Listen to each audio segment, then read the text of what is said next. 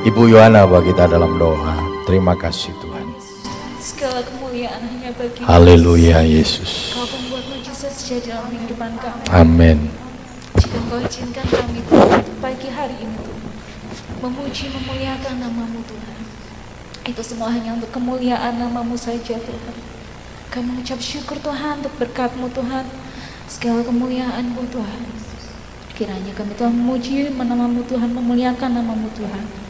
Dan sebentar Tuhan, kalau kami akan mendengarkan sabda firman-Mu Tuhan, siapkan hati kami Tuhan, telinga kami Tuhan. Kiranya apa yang menjadi berkat dalam hidup kami Tuhan bisa menjadi rema Tuhan. Berkati hambamu juga yang akan menyampaikan, firman-Mu Tuhan.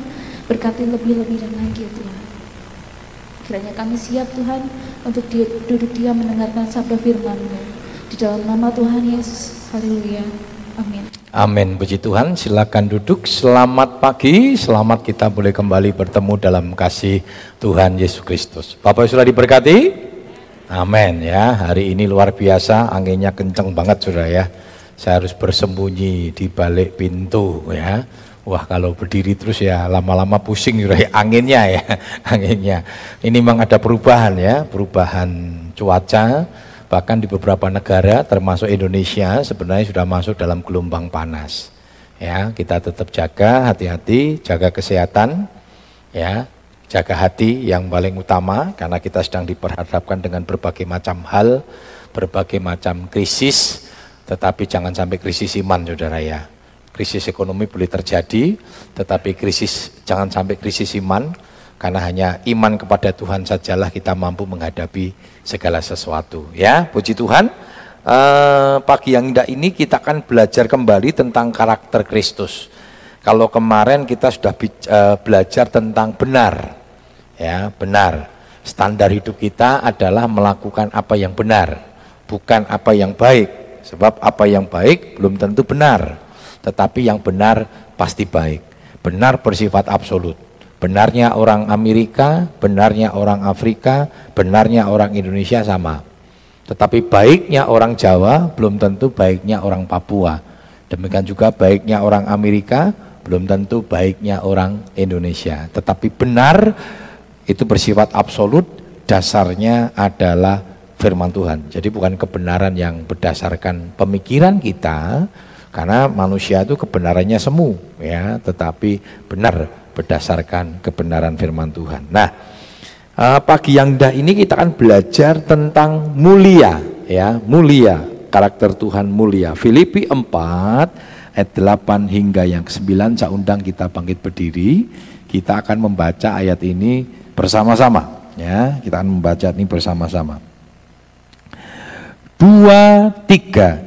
Jadi akhirnya saudara-saudara, semua yang benar, semua yang mulia, semua yang adil, semua yang suci, semua yang manis, semua yang sedap didengar, semua yang disebut kebajikan dan patut dipuji, pikirkanlah semuanya itu dan apa yang telah kamu pelajari, dan apa yang telah kamu terima, dan apa yang telah kamu dengar, dan apa yang telah kamu lihat padaku, lakukanlah itu, maka Allah sumber damai sejahtera akan menyertai kamu. Puji Tuhan, silakan duduk ya.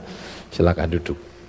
Firman Tuhan, kita akan belajar tentang mulia. Nah, saudara, mulia dalam bahasa aslinya disebut dengan semnos atau memiliki pengertian memilih memiliki hidup yang terhormat dan mulia. Jadi memiliki hidup yang terhormat dan mulia. Saudara, kita tidak boleh gila hormat. Kita tidak boleh gila hormat. Saudara tidak boleh memaksa orang menghormati kita.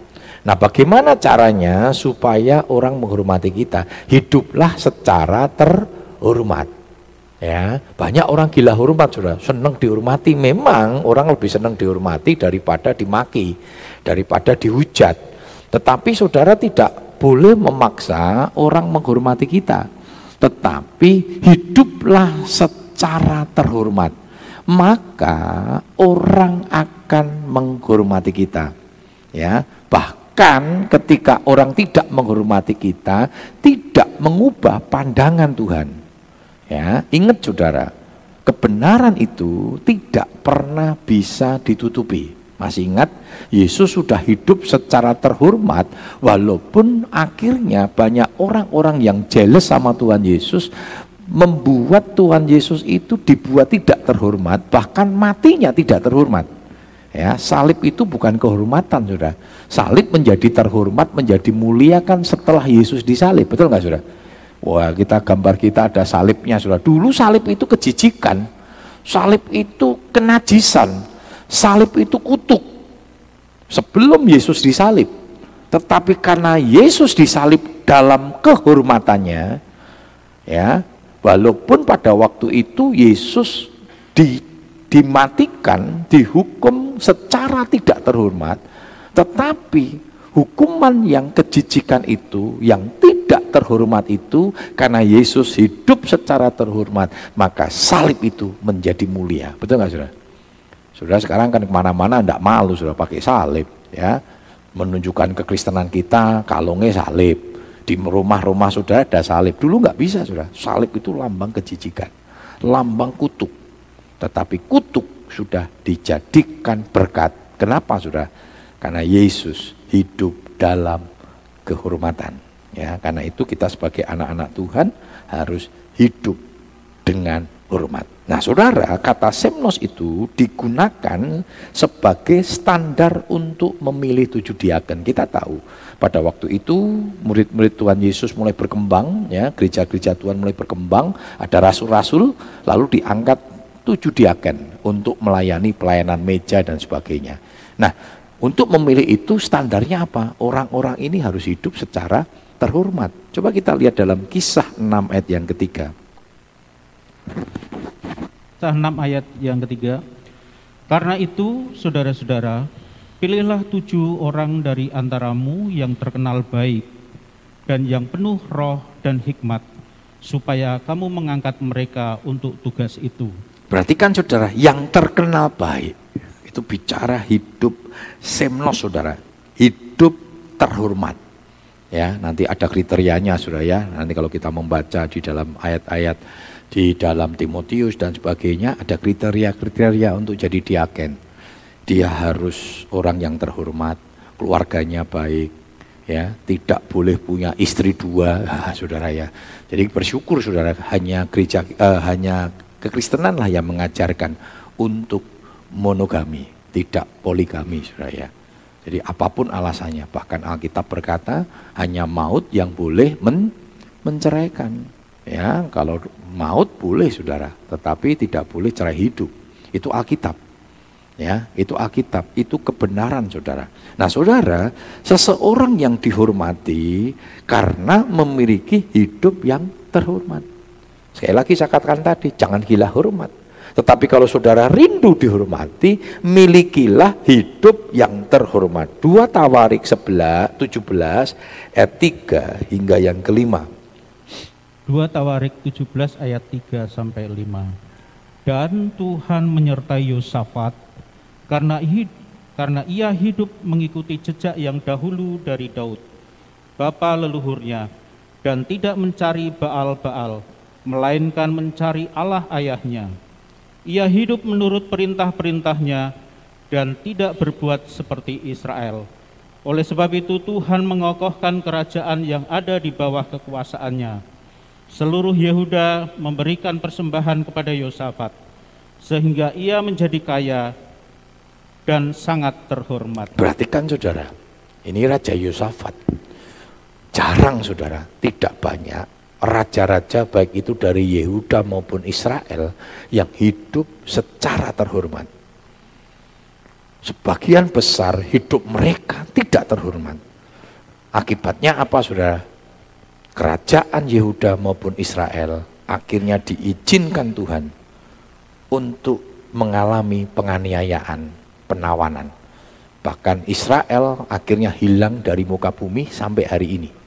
Ya, walaupun nanti janji firman Tuhan orang-orang Israel akan dikumpulkan Ya, sekarang tidak jelas identitasnya. Saya tidak tahu mungkin dari antara saudara ada yang memang keturunan Israel kita nggak tahu sudah kalau ditarik garis ternyata orang Israel sudah. Ya, di India ternyata ada satu suku itu adalah orang Israel sudah.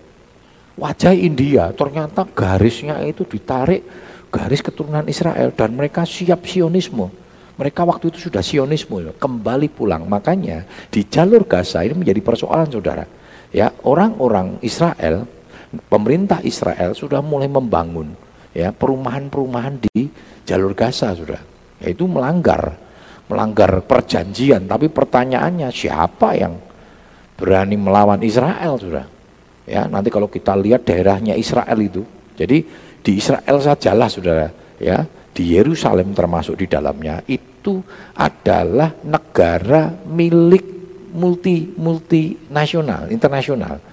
Jadi bukan miliknya Israel maupun miliknya uh, apa namanya siapa? Israel yang perang Palestina, sorry hilang Palestina. Jadi di sana itu tentaranya tentara-tentara internasional, tentara PBB sudah, UN ya.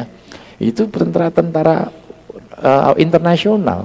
Tetapi wakilnya sama orang Israel sudah dikuasai sekarang sudah tiga perempat lebih sudah dikuasai. Ya, dikuasai karena eh, Israel ya pegang pegang Alkitab, Taurat gitu ya. Ya, kita tidak tahu kebenarannya bagaimana, kita nggak usah bicara tentang politis, tetapi kita bicara tentang kebenaran firman Tuhan. Nah, sudah kita lihat. Yosafat hidupnya betul, sudah. Akibatnya apa? Diberkati. Kalau saudara mau diberkati Tuhan, hiduplah secara terhormat. Bukan gila hormat. Saudara nggak dihormati nggak apa-apa saudara. Saudara sudah hidup terhormat ternyata saudara tidak dihormati nggak apa-apa. Karena kebenaran itu tidak pernah bisa di, ditutupi. Nggak pernah saudara. Jangan karena saudara sudah hidup benar kan banyak gitu saudara ya. Banyak orang yang hidupnya terhormat, jaga kekudusan, kesucian, lalu melihat banyak orang hidupnya ora bener, hidupnya korupsi. Alah, aku ora korupsi, liane korupsi. Wis aku tak melu-melu wae, wong liane ya korupsi. Jangan, Saudara.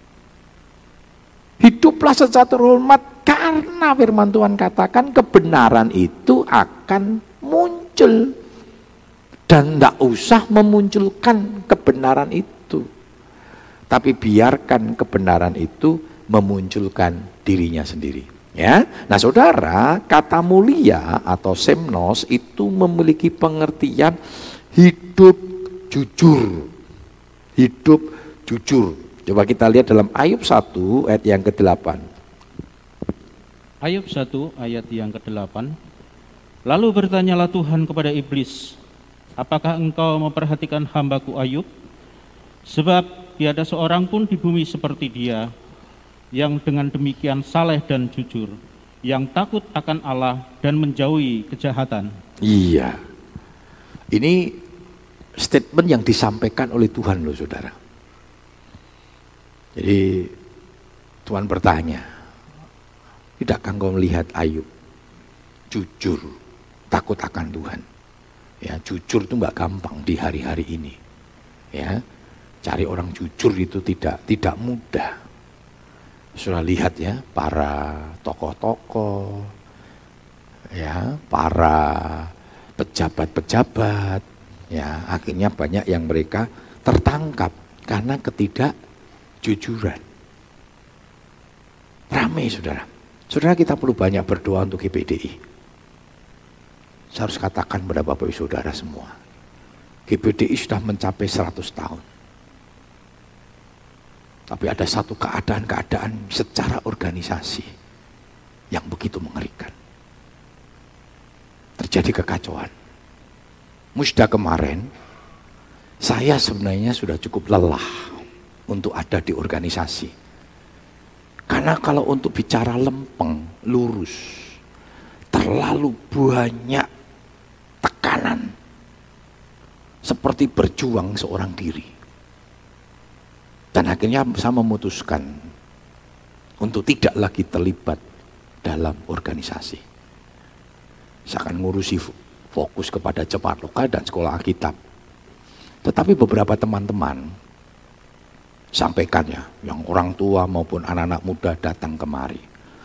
Ayo toh Pak, mbok tolong. Sebab kalau Pak Agus tidak duduk di organisasi, yang mikir ke sopo.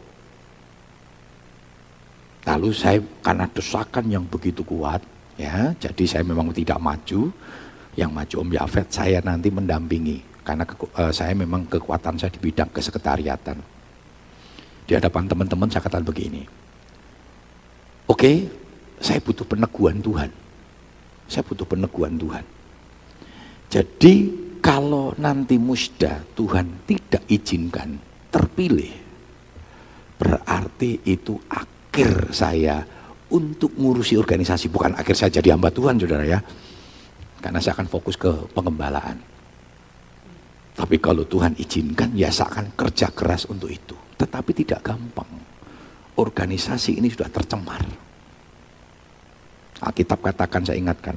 Kalau gereja ini, sorry, kerajaan-kerajaan itu ditata secara duniawi, Alkitab katakan Tuhan akan hancurkan. Dan saya selalu ingatkan pada teman-teman, kalau organisasi gereja ditata secara duniawi, Tuhan akan hancurkan. Dan kemarin, dua minggu yang lalu, akhirnya musda, dan Tuhan tidak izinkan terpilih, sudah. Terpaut 10 suara. Ya, walaupun ada banyak hal. Dan saya katakan pada teman-teman, ada yang langsung ngomong gini, Pak tenang Pak, ya tetap semangat. Oh semangat saya bilang. Kita lima tahun ke depan, Wah saya bilang, eh tolong ya, hormati komitmen saya. Hormati komitmen saya. Ketika Tuhan izinkan ini, ini peneguhan saya. Dan saya tidak akan lagi terlibat secara organisasi. Saudara, kita perlu berdoa untuk GBD. Terjadi banyak kekacauan di beberapa daerah. Kenapa? Karena gila hormat. Gila hormat. Kita perlu doakan, saudara. Kita perlu doakan. Ya, mungkin sudah sudah lihat di Facebook, ya di beberapa karena pertemanan-pertemanan dimunculkan di beberapa daerah, di beberapa tempat. Misalnya kata pada teman-teman, kita fokus sajalah ke pelayanan lokal kita. Kita jaga jemaat kita. Kita bawa jemaat kita menjadi jemaat yang hidup secara terhormat. Amin. Amin. Saudara nggak usah gila hormat, saudara. Memang duduk-duduk di organisasi itu kadang, wah ada kehormatan. Saya paling menentang itu sebenarnya. Asal kita acara-acara begitu, mangane bedo. Oh saya paling gak seneng saudara. Saya maunya makan bersama jemaat, nek jemaat lau untuk lo apa hamba-hamba Tuhan yang lain lau lo deh, mbek gereh petek saudara Wah saya juga mangan lodeh mbak gereh petek karena itu lebih enak daripada ingkung sudah betul ya. Wah gereh petek itu paling nyaman sudah. Nah hati-hati saudara. Nah saudara kita lihat. Ayub hidupnya benar. Hidupnya jujur. Tapi Tuhan izinkan Ayub nanti dicobai. Tetapi kita lihat. Ayub bagaikan emas yang murni Walaupun dicobai, dihantam dengan berbagai macam. Dia tetap kuat. Dia tetap hidup dalam kejujuran. Saudara, kejujuran datang dari hati yang takut akan Tuhan.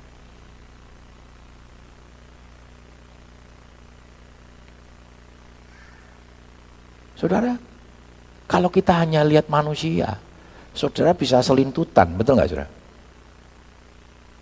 Kau sudah lihat beberapa kali orang-orang yang akhirnya kena persoalan itu. Kenapa? Selintutan. Karena yang dipandang manusia. Dan ada banyak kesempatan-kesempatan untuk kita tidak jujur. Kalau kita tidak pandang Tuhan. Coba kita lihat sama-sama dalam Amsal 14 ayat 2. Amsal 14 ayat 2. Siapa berjalan dengan jujur, takut akan Tuhan, tetapi orang yang sesat jalannya menghina dia. Perhatikan saudara, orang yang takut akan Tuhan, dia akan hidup dalam kejujuran. Memang nggak gampang cari keju, kejujuran ini, sudah. Karena sering kali kita diper, diperhadapkan dengan kesempatan-kesempatan di mana kita tidak bisa berbuat jujur. Tapi kita mau belajar jujur. Ya, belajar jujur. Dalam pekerjaan kita, bersama suami kita, istri kita, kita belajar jujur, terbuka sudah. Saya belajar terbuka dengan Bu Ika. Kami dulu sosial media, sosial media sering kali saya satu sudah. Maka Facebook saya, saudara jangan janjian sama saya lewat Facebook saudara. Kalau gitu janjian lihat apa dengan yang lain, oh saudara. Bukan itu. Saya nggak pernah takut, saudara. Bu Ika mau lihat HP saya, saya tidak akan kata, ih, tolong ya, privasi ya. Lah, nek suami istri bicara privasi, piye? Wong kita berkata mereka bukan lagi dua tetapi satu. Ada suami istri ribut. Gara-gara istrinya buka HP-nya suami. Saya mau buka-buka nggak masalah. Dan bukanya buka bukan karena curiga ya. Delik-delik waktu saya mandi. Nah, itu namanya juga nggak percaya sudah. Nggak masalah. Wah, anak saya mau buka WA saya, saya juga nggak pernah takut. Makanya saya sempat marah saudara.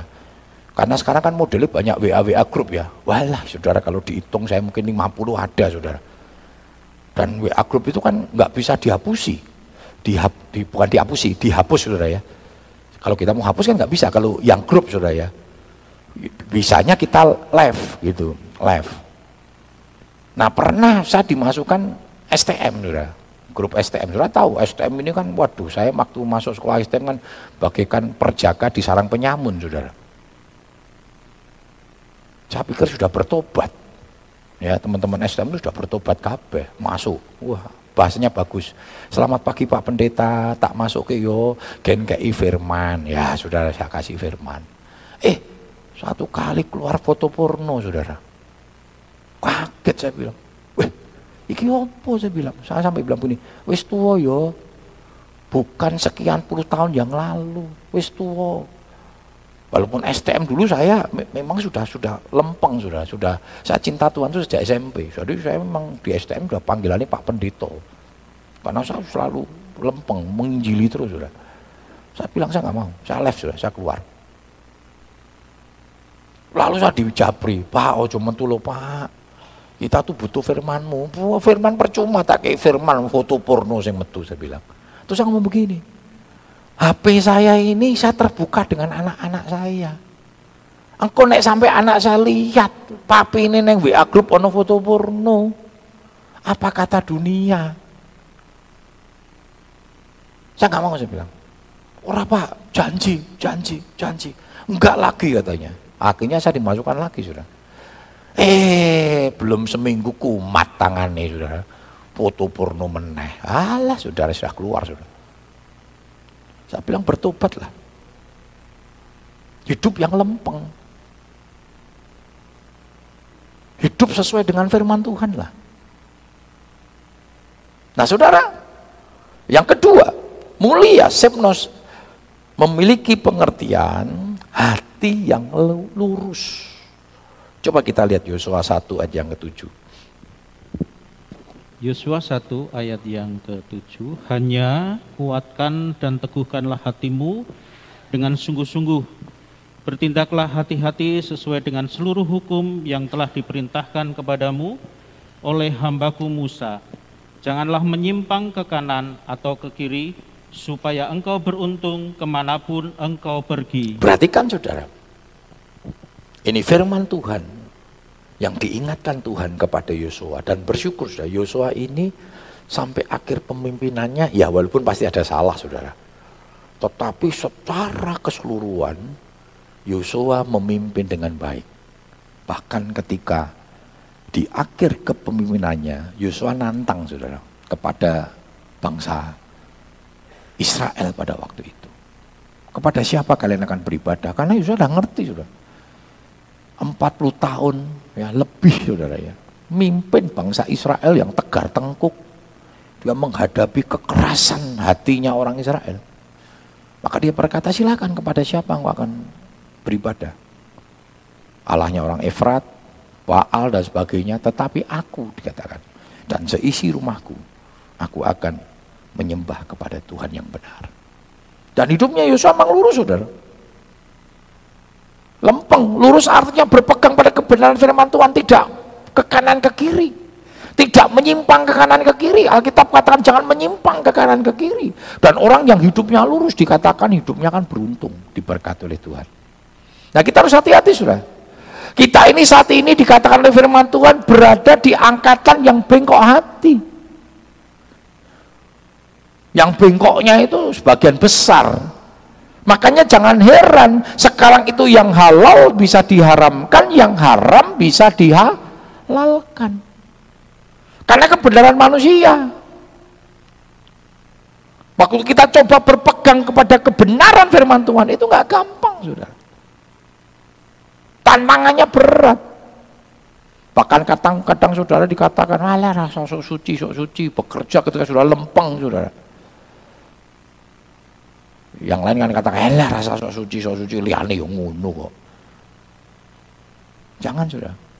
Walaupun yang lain bengkok-bengkok saudara, biarkan aja. Mari kita belajar untuk lempeng. Coba kita lihat sama-sama dalam Filipi 2, 14-15. Filipi 2 ayat 14 dan 15. Lakukanlah segala sesuatu dengan tidak bersungut-sungut dan berbantah-bantahan, supaya kamu tiada beraib dan tiada bernoda, sebagai anak-anak Allah yang tidak bercela di tengah-tengah angkatan yang bengkok hatinya dan sesat ini, sehingga kamu bercahaya di antara mereka seperti bintang-bintang di dunia. Perhatikan saudara, orang sing lempeng di angkatan yang bengkok akan bercahaya saudara. Kenapa bercahaya? Ya karena lainnya bengkok. Akan muncul, ingat Matius 5, kamu adalah terang dunia supaya ketika hidup terhormat dikatakan mereka melihat perbuatanmu yang baik dan memuliakan Bapamu yang di surga. Ketika engkau hidup terhormat, sementara orang-orang bengkok hati, engkau tetap lurus. Bahkan ketika engkau hidup lurus, engkau dipersalahkan, engkau dikucilkan, jangan takut. Karena Alkitab berkata, kebenaran itu tidak akan pernah bisa ditutupi. Alkitab berkata, engkau akan bercahaya di antara mereka seperti bintang-bintang. Artinya tidak pernah bisa kebenaran itu, hidup mulia itu dibungkam. Tetapi sering kali kan kita nggak kuat. Tekanan itu terlalu besar. Memang sudah, ketika engkau belajar hidup terhormat, tekanan itu sangat besar. Kenapa sudah? Karena dunianya sudah bengkok semua. Lingkungan kita sudah bengkok semua dan itu nggak bisa dipungkiri. Tetapi kalau kita akhirnya menyediakan hati kita untuk bengkok hati, apa bedanya? Sudah tidak ada lagi terang yang bercahaya. Tidak ada lagi bintang yang bercahaya. Tidak ada lagi kebenaran yang memancarkan sinarnya. Mari kita belajar untuk hidup lurus. Supaya nama Tuhan boleh dipermuliakan, nama Tuhan boleh diagungkan. Hiduplah terhormat, bukan gila hormat. Jika melalui kehidupan kita, nama Tuhan akan dimuliakan. Mereka melihat perbuatan yang baik dan memuliakan Bapamu yang di surga. Dunia perlu terang, saudara. Dunia perlu komitmen anak-anak Tuhan. Hidup mulia. Hidup secara terhormat. Jika nama Tuhan boleh diagungkan, nama Tuhan boleh dipermuliakan. Bapak Yonatan bagi kita dalam doa. Bapak di dalam surga kami mengucap syukur dan terima kasih ya Tuhan. Pagi ini Tuhan kami boleh menerima berkat yang luar biasa, kebenaran firman Tuhan yang sudah mengingatkan kepada kami ya Tuhan. Bapak kami mohon belas kasih-Mu, mampukan kami Tuhan untuk kami terus berjalan di dalam kebenaran firman-Mu. Mampukan kami Tuhan untuk hidup kudus dan benar di hadapan-Mu ya Tuhan. Di mana pun kami berada, apa pun yang menjadi aktivitas kami, biarkanlah hidup kami boleh menjadi berkat Tuhan, menjadi terang bagi sesama kami. Kami mohon kepadamu ya Bapa, biarlah Tuhan terus sertai kehidupan kami dengan kebenaran firman-Mu. Kami boleh hidup terus berjalan seturut akan kebenaran-Mu ya Bapa. Terima kasih buat kebenaran firman-Mu Tuhan hambamu yang sudah berhenti berbicara, biarlah roh kudusmu terus Tuhan berbicara di dalam kehidupan kami.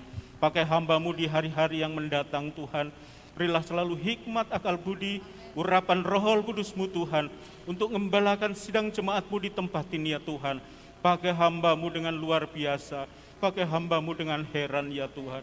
Di dalam kebenaran firmanmu yang disampaikan, boleh menjadi berkat, menguatkan, meneguhkan iman kami jemaatmu Tuhan. Terima kasih Bapak Surgawi. Kami berdoa di dalam nama Tuhan Yesus Kristus. Haleluya. Amin.